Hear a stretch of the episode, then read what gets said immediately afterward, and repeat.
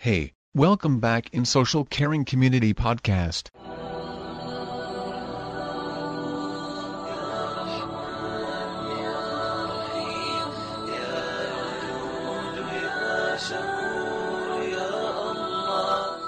Assalamualaikum warahmatullahi wabarakatuh. Alhamdulillah. Asyhadu alla ilaha illallah wa asyhadu anna Muhammadan abduhu wa rasuluh la nabiyya ba'dahu.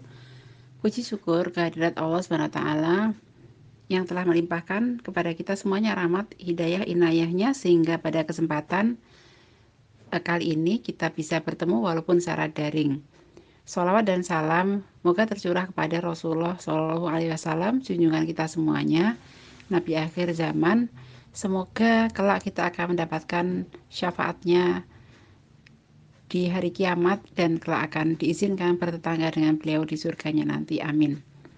Ayah bunda yang dirahmati Allah, eh, perkenalkan saya Ida Nuraila dari Wonderful Family Institute. Bersyukur sekali pada kesempatan kali ini bisa bertemu dengan bunda-bunda dari SCC ayah juga ada ya. Semoga pertemuan kita menjadi pertemuan yang penuh berkah. Walaupun kita secara daring melakukannya, semoga tidak mengurangi pahala yang kita terima, keberkahan yang akan Allah berikan kepada para penuntut ilmu. Untuk itu, marilah kita bersama-sama meluruskan niat kita bahwa apa yang kita lakukan adalah bagian dari uh, kita sebagai seorang hamba Allah yang senantiasa belajar. Kemudian mari kita jaga bersama adab-adab majelis sekalipun kita tidak saling bertatap muka satu sama lain akan tapi marilah kita berusaha untuk seakan-akan kita hadir di majelis ilmu. Dalam rangka kita menghormati forum, dalam rangka kita menghormati majelis ilmu, mari kita bersikap dengan baik, duduk dengan uh, cara yang baik, berpakaian dengan uh, adab yang baik dan bisa berkonsentrasi selama satu jam ke depan. Semoga dengan demikian Allah catat kita sebagai seorang yang menuntut ilmu, ayah bunda yang selalu belajar untuk membaikkan diri masing-masing. Mungkin juga saya menyapa uh, adik-adik yang belum menikah, semoga Allah uh, segera siapkan Anda untuk menjemput pernikahan dan juga mendapatkan jodoh yang terbaik pada saat yang baik. Dan kelak akhirnya menjadi keluarga yang sakinah, mawadah, warohmah, hingga surganya nanti. Allahumma amin. Ayah bunda yang dirahmati Allah, kita sangat ingat tentang surat Al-A'raf ayat ke-172 di mana pada saat itu kita berjanji kepada Allah SWT dan demikian pula yang terjadi kepada anak-anak kita yaitu kita berjanji untuk beriman kepada Allah SWT dan ketika kita lahir ke dunia maka kita dituntut untuk mengimplementasikan, menunjukkan keimanan kita dengan dua kalimat syahadat kita. Asyhadu alla ilaha illallah asyhadu anna muhammadan abduhu rasuluh. Demikian pula pada saat kita menjadi orang tua, kita berharap agar kita bisa menjadi orang tua yang bisa menjaga fitrah keimanan anak. Di mana kita tahu uh, sebuah hadis Rasulullah bahwa setiap anak kulu maulutin yulatu ala fitrah. Mereka dilahirkan atas fitrah. Akan tapi orang tuanya lah yang akan menjadikan dia majusi, Yahudi atau Nasrani. Maka bagi Anda yang bersiap menjadi orang tua sangat baik sekali belajar, belajar dan belajar seperti di semua kali ini. Dan bagi kita yang sudah menjadi orang tua, Alhamdulillah Allah berikan kesempatan untuk kita selalu belajar dan sadar bahwa kita adalah orang tua yang harus mewariskan keimanan kepada anak kita. Ayah bunda yang dirahmati Allah, bukan hanya kita menjaga, merawat fitrah keimanan mereka, akan tapi mari kita menjadi inkubator untuk anak-anak kita, rumah kita, kita dan uh, suami kita, uh, atau suami dan istri ya, kalau ada uh, di sini bapak-bapak, menjadikan rumah kita adalah sarana atau uh, landasan untuk menjadikan anak-anak kita terlahir menjadi generasi yang terbaik. Di dalam Al-Quran, Allah sudah membuat parameter tentang generasi terbaik ini, yaitu di dalam surat Ali Imran ayat 110. A'udzu billahi minasyaitonir rajim. Bismillahirrahmanirrahim. Kuntum khaira ummatin ukhrijat lin-nasi ta'muruna bil ma'ruf wa tanhauna 'anil munkar wa tu'minuna billah. Walau amana ahlal kitab lakana khairal lahum. Minhumul mu'minuna wa aktsaruhumul fasiqun. Artinya kamu adalah umat yang terbaik yang dilahirkan untuk manusia, menyuruh kepada yang ma'ruf dan mencegah dari yang mungkar dan beriman kepada Allah. Sekiranya ahli kita beriman tentulah itu lebih baik bagi mereka di antara mereka ada yang beriman, tapi kebanyakan mereka adalah fasik. Ayah bunda yang dirahmati Allah, di dalam surat Ali Imran ayat 110 ini Allah memberikan ketegasan kepada kita semuanya tentang generasi yang dipuji sebagai generasi terbaik, yaitu generasi pada masa Rasulullah dan para sahabat. Masya Allah. Itulah generasi yang dijadikan parameter sebagai generasi terbaik. Dan kita menginginkan jika bangsa Indonesia ini akan menjadi generasi yang terbaik, maka mereka pun harus kita kenalkan generasi kita ini dengan generasi terbaik yang pernah ada di muka bumi, yaitu generasi pada masa Rasulullah dan para sahabat. Sekarang ini uh, kita bersama memperingati 17 Agustus 45 yang uh, peringatan kemerdekaan ya yang ke-75 Masya Allah. Dalam situasi kita sedang prihatin dengan darurat COVID ini. Dan kita tahu berbagai macam hal yang terjadi pada masa uh, kini di mana kemerosotan di dalam banyak bidang baik pada sisi moral, baik pada sisi ekonomi, baik pada sisi akhlak, dan kita tahu inilah ujian tantangan kita bersama. Kita ingin memutus rantai itu, kita ingin menjadikan anak-anak kita, generasi muda kita, menjadi anak-anak yang lebih baik. Untuk itu, sebagai seorang Muslim, mari kita kembali kepada Al-Quran, mari kita kembali kepada Sunnah Rasulullah SAW. Jadikan diri kita adalah orang tua yang bisa menjadi teladan anak-anak kita di dalam nantinya kita membersamai mereka menjemput fitur terbaik yang bisa mereka miliki, versi terbaik dari anak-anak kita sebagai khair ummah. Allah mencirikan generasi terbaik itu adalah orang-orang yang beriman. Iman yang kita uh, ketahui bahwa iman itu adalah ikrar bilisan, diucapkan dengan lisan. Kemudian tasdiq bil qalb, dibenarkan dengan hati. Dan kemudian dia amal bil arkan, dilakukan dengan mengamalkan rukun-rukunnya. Maka sebagai sebuah keluarga muslim, mari kita awali kebaikan anak kita untuk kemudian e, mereka memahami posisi mereka sebagai seorang muslim dengan meyakini rukun Islam, rukun iman dan melaksanakan rukun Islam. Sehingga mereka menjadi orang yang saleh dan muslih. Saleh itu artinya mereka baik, e, diri mereka ini baik. Muslih itu artinya mereka akan membaikkan orang lain, membaikkan orang-orang di sekitarnya, membaikkan lingkungannya. Nah itulah generasi yang terbaik, di mana mereka beriman, mengajak kepada kebaikan, dan juga mencegah dari kemungkaran. Kemudian di antara ciri uh, generasi yang baik ini adalah mereka suka mereka adalah orang-orang yang suka bertazkiyah atau mensucikan diri. Kemudian mereka senantiasa belajar dan juga mereka senantiasa mengajar. Nah, artinya mari eh, kita bangun di dalam diri kita karakter untuk senantiasa menjadi orang yang belajar, belajar dan belajar ya, orang tua yang belajar dan juga orang tua yang selalu menyampaikan apa yang kita miliki kepada orang-orang yang ada di sekitar kita, utamanya kepada anak kita yang harus kita wariskan kepadanya. Keimanan, sama ibadah-ibadah, kemudian juga akhlak yang mulia. Ayah bunda, segala sesuatunya bermula dari orang tua.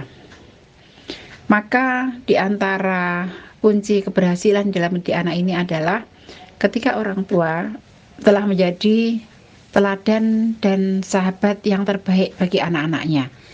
Oleh karena itu, mari kita menelisik ke dalam diri kita masing-masing.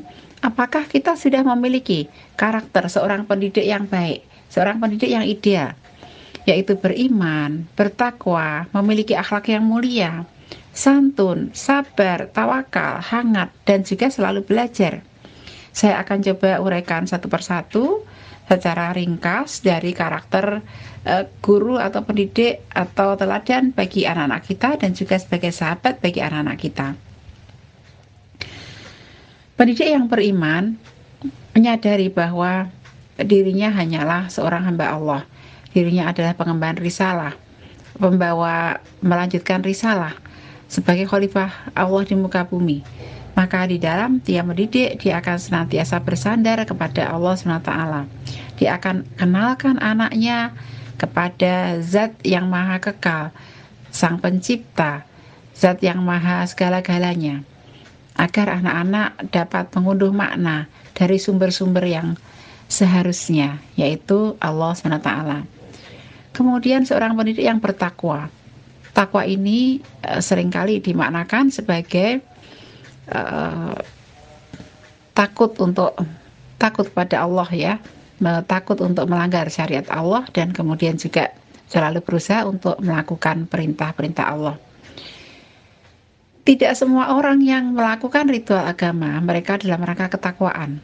Akan tapi kita berusaha bahwa setiap hal yang kita lakukan sebagai seorang pendidik sebelum Anda menikah sekalipun, setelah Anda menikah dan belum punya anak sekalipun, maupun setelah Anda memiliki anak-anak, itu adalah bagian dari ketakwaan yang kita miliki, di mana kita selalu khawatir, takut kepada Allah, takut melanggar larangan Allah, dan kita termotivasi untuk melakukan ketaatan kepada Allah, melakukan semua perintahnya, melakukan semua yang menjadi kewajiban-kewajiban kita sebagai seorang muslim.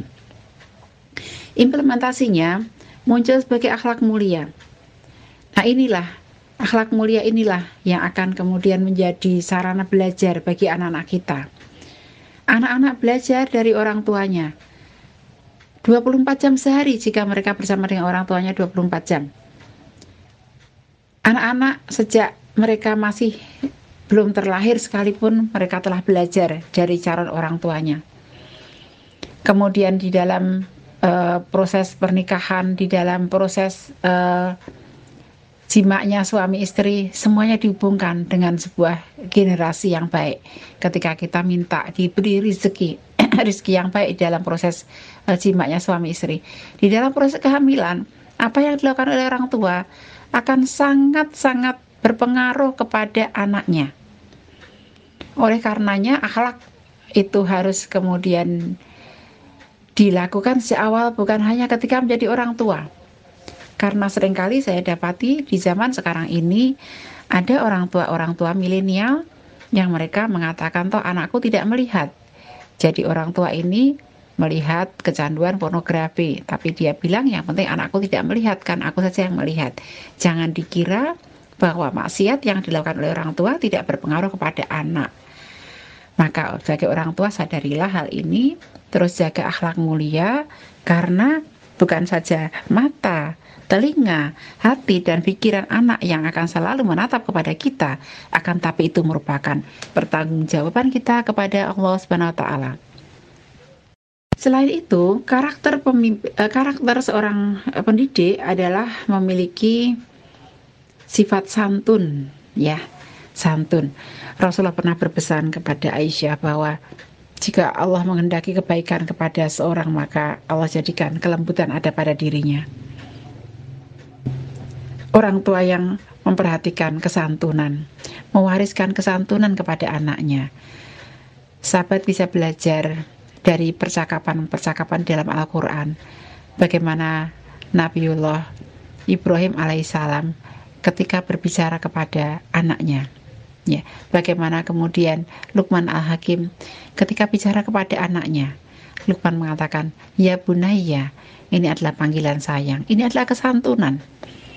Anak-anak yang mereka biasa dididik dengan kesantunan, maka mereka akan mengunduh kesantunan itu dari orang tuanya.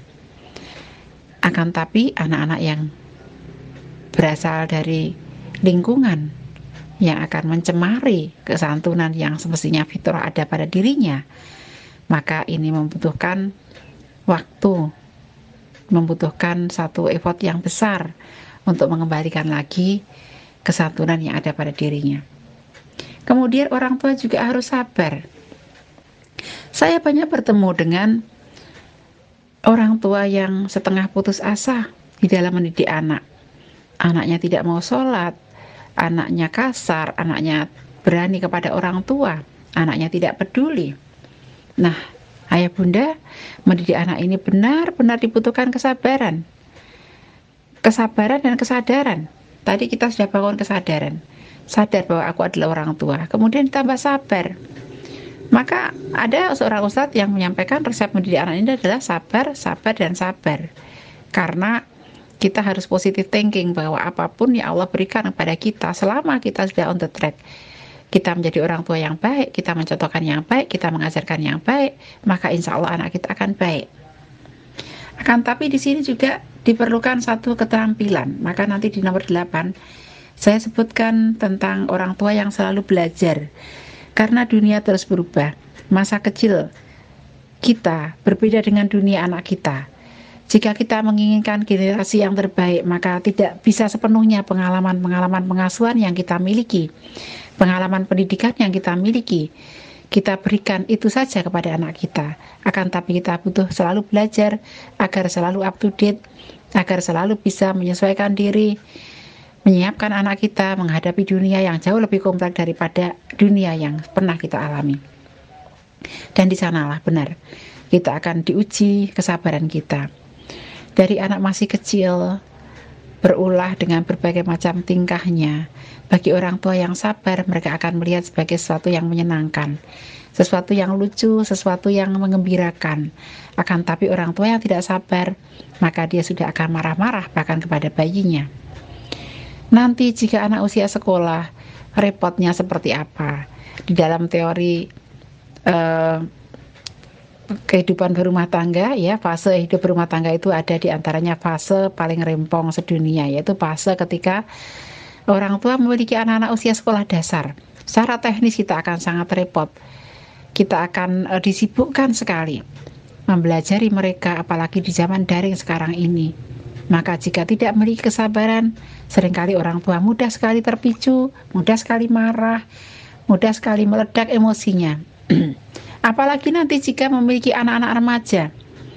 Remaja dengan keunikannya, mereka sudah pandai berbicara, bisa membantah. Mereka telah memiliki langkah kaki yang panjang, bisa pergi dari rumah. Mereka telah memiliki jangkauan yang sangat luas dengan dunia maya, dan orang tua masih saja uh, tertinggal jauh dari anak-anaknya. Maka jika kita tidak sabar, tentu akan banyak konflik antara orang tua dengan anak. Dan selain itu mari kita bertawakal kepada Allah. Setelah semua usaha yang dilakukan,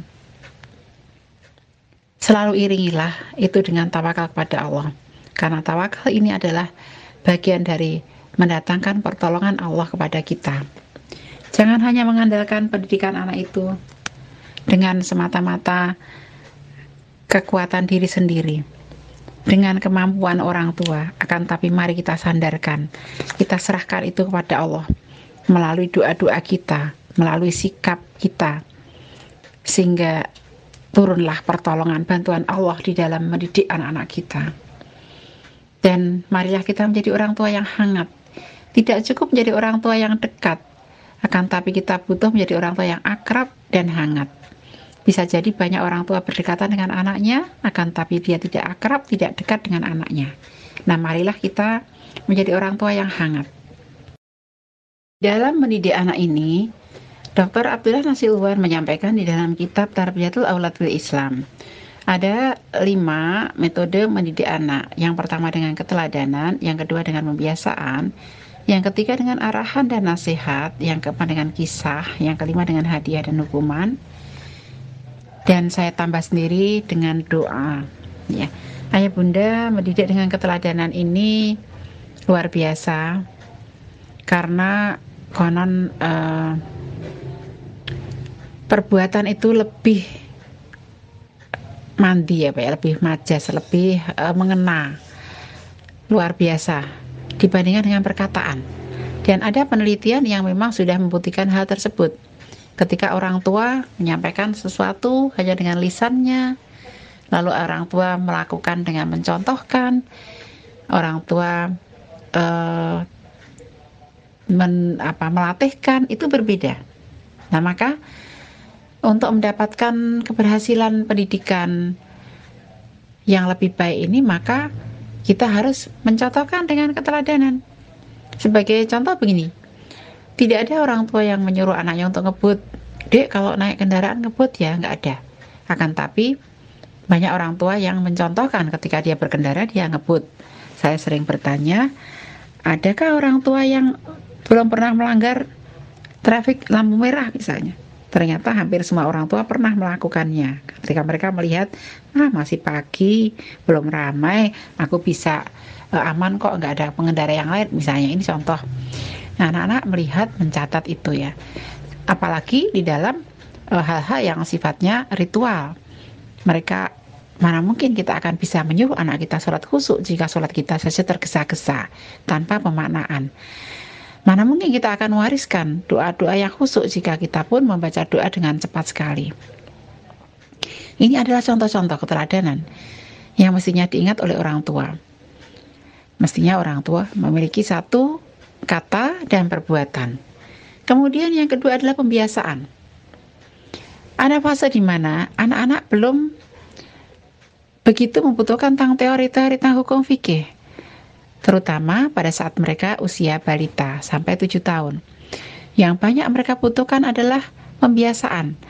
Setelah mereka melihat apa yang dilakukan oleh orang tuanya, mendengarkan arahan apa yang dilakukan oleh orang tuanya, lalu mereka terlibat, mereka diajak praktek learning by doing, diajak berwudu, digendong ke tempat wudhu, diajak sholat, ya, e, dilatih berpuasa, dilatih bersedekah. Ini adalah bagian dari pembiasaan. Termasuk hal-hal yang sifatnya life skill, keterampilan hidup. Bagaimana kemudian mereka bisa memenuhi kebutuhan mereka sendiri. Mereka bisa menjadi anak yang mandiri.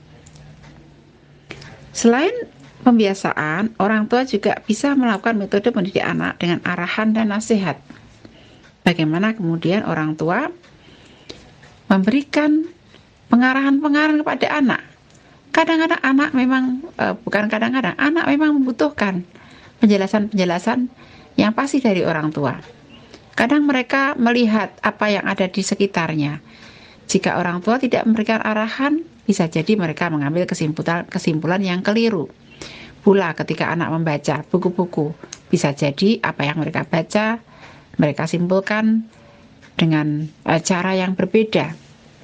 Kemudian uh, nasihat, tentu selain arahan, mungkin sekali anak-anak kita tergelincir kepada sesuatu yang keliru. Pada saat seperti itu, maka orang tua harus memberikan nasihatnya. Tentu nasihat ini haruslah tepat. Tepat waktunya, tepat dosisnya, tepat caranya, tepat pilihan katanya. Karena nasihat ini merupakan pilar agama. Kita tahu bersama di dalam surat Al-Asyr, uh, tawasobil hak dan tawasobil sober.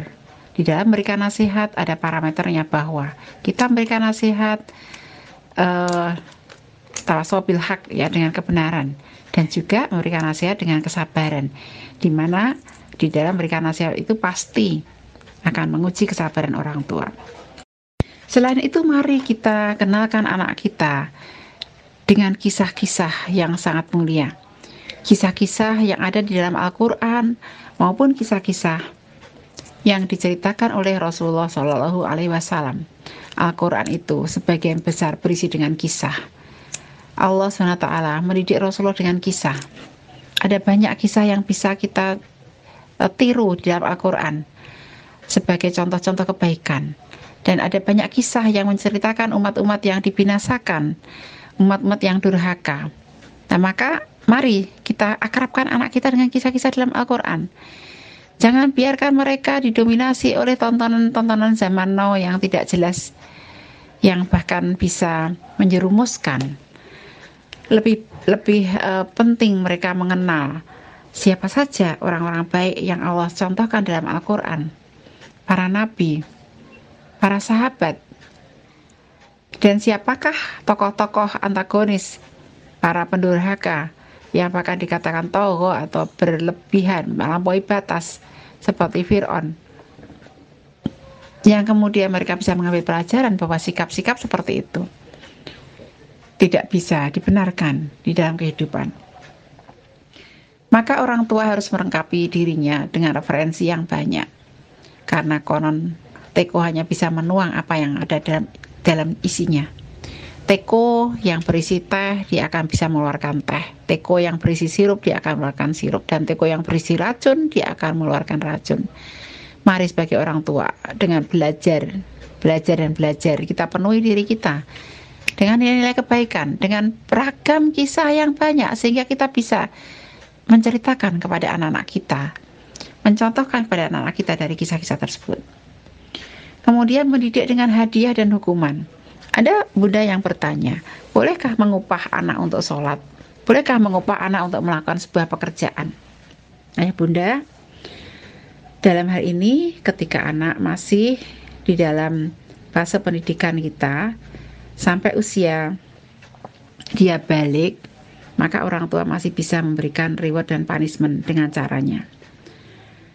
Di dalam uh, kita memberikan satu stimulan kepada anak kita. Misalnya pertanyaannya apakah anak yang berpuasa itu boleh dikasih upah? Kamu puasa, nanti kalau sampai sore kamu dapat uang 10 ribu misalnya. Apakah itu dibenarkan? Dibenarkan atau tidak, tapi dalam e, banyak yang berpendapat bahwa yang demikian dibolehkan. Akan tapi e, sepengetahuan saya itu selesai ketika anak usia 10 tahun. Seharusnya anak usia 10 tahun itu sudah tidak uh, seperti itu lagi. Kalau ditolerir maka sampai anak usia 14 tahun di mana dia belum balik. Anak yang sudah balik maka hukuman dan hadiahnya berasal dari Allah SWT. Termasuk dalam hal ini ketika orang tua misalnya boleh memukul anak ketika dia usia 10 tahun dan dia tidak mau sholat. Itu hanya sampai usia dia balik 14 tahun. Kalau dia sudah 20 tahun nggak mau sholat jangan dipukuli nanti orang tua balas dipukuli sendiri oleh anaknya.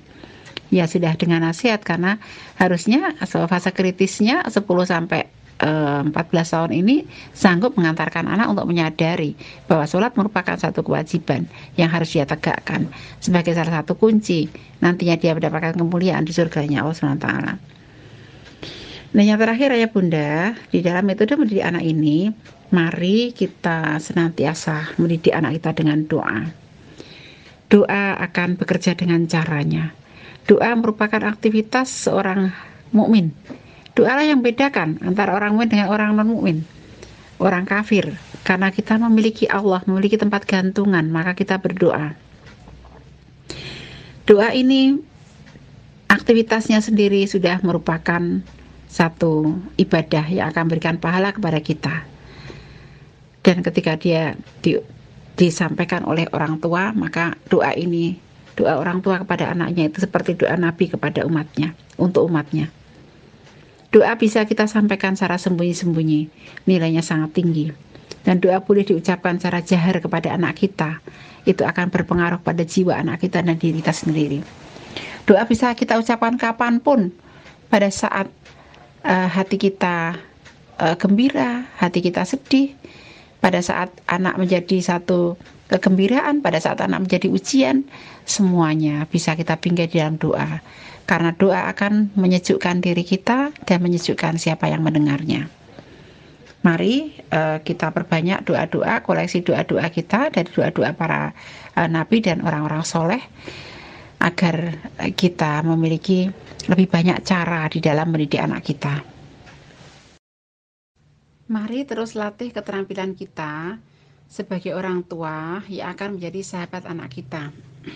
Dengan cara kita mengenali diri kita sendiri maupun mengenali anak kita. Sehingga kita bisa menjadi mindful maupun meaningful parent. Ada tiga pilar di dalam elemen mindful parenting ini. Yang pertama adalah ketika orang tua bisa mengenali dirinya sendiri dan sikap-sikapnya atas apa yang terjadi kepada anak orang tua memiliki daulat atas dirinya sendiri. Maka tidak akan ada orang tua yang kemudian menyalahkan anaknya karena dia tidak bisa menguasai dirinya sendiri.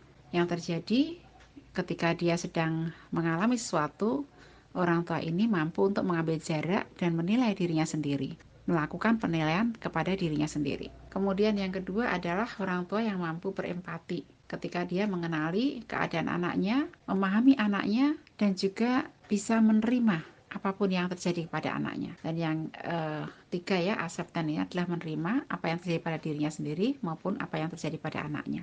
Dalam hal ini bukan berarti orang tua kemudian menerima saja, berhenti pada penerimaan bahwa oh seperti itu anakku. Akan tapi kita akan melanjutkan untuk menjadikan orang tua yang bisa memfasilitasi anak-anak kita untuk mereka bisa mengambil mana-mana terbaik di dalam kehidupan ini. Semua peristiwa terjadi sesuai dengan kehendak Allah, sesuai dengan takdirnya. Akan tapi kitalah yang kemudian akan menjadi baik dengan peristiwa itu atau tidak, manakala kita pandai mengambil makna-makna terbaik. Demikian pula di dalam proses pengasuhan dan pendidikan anak kita.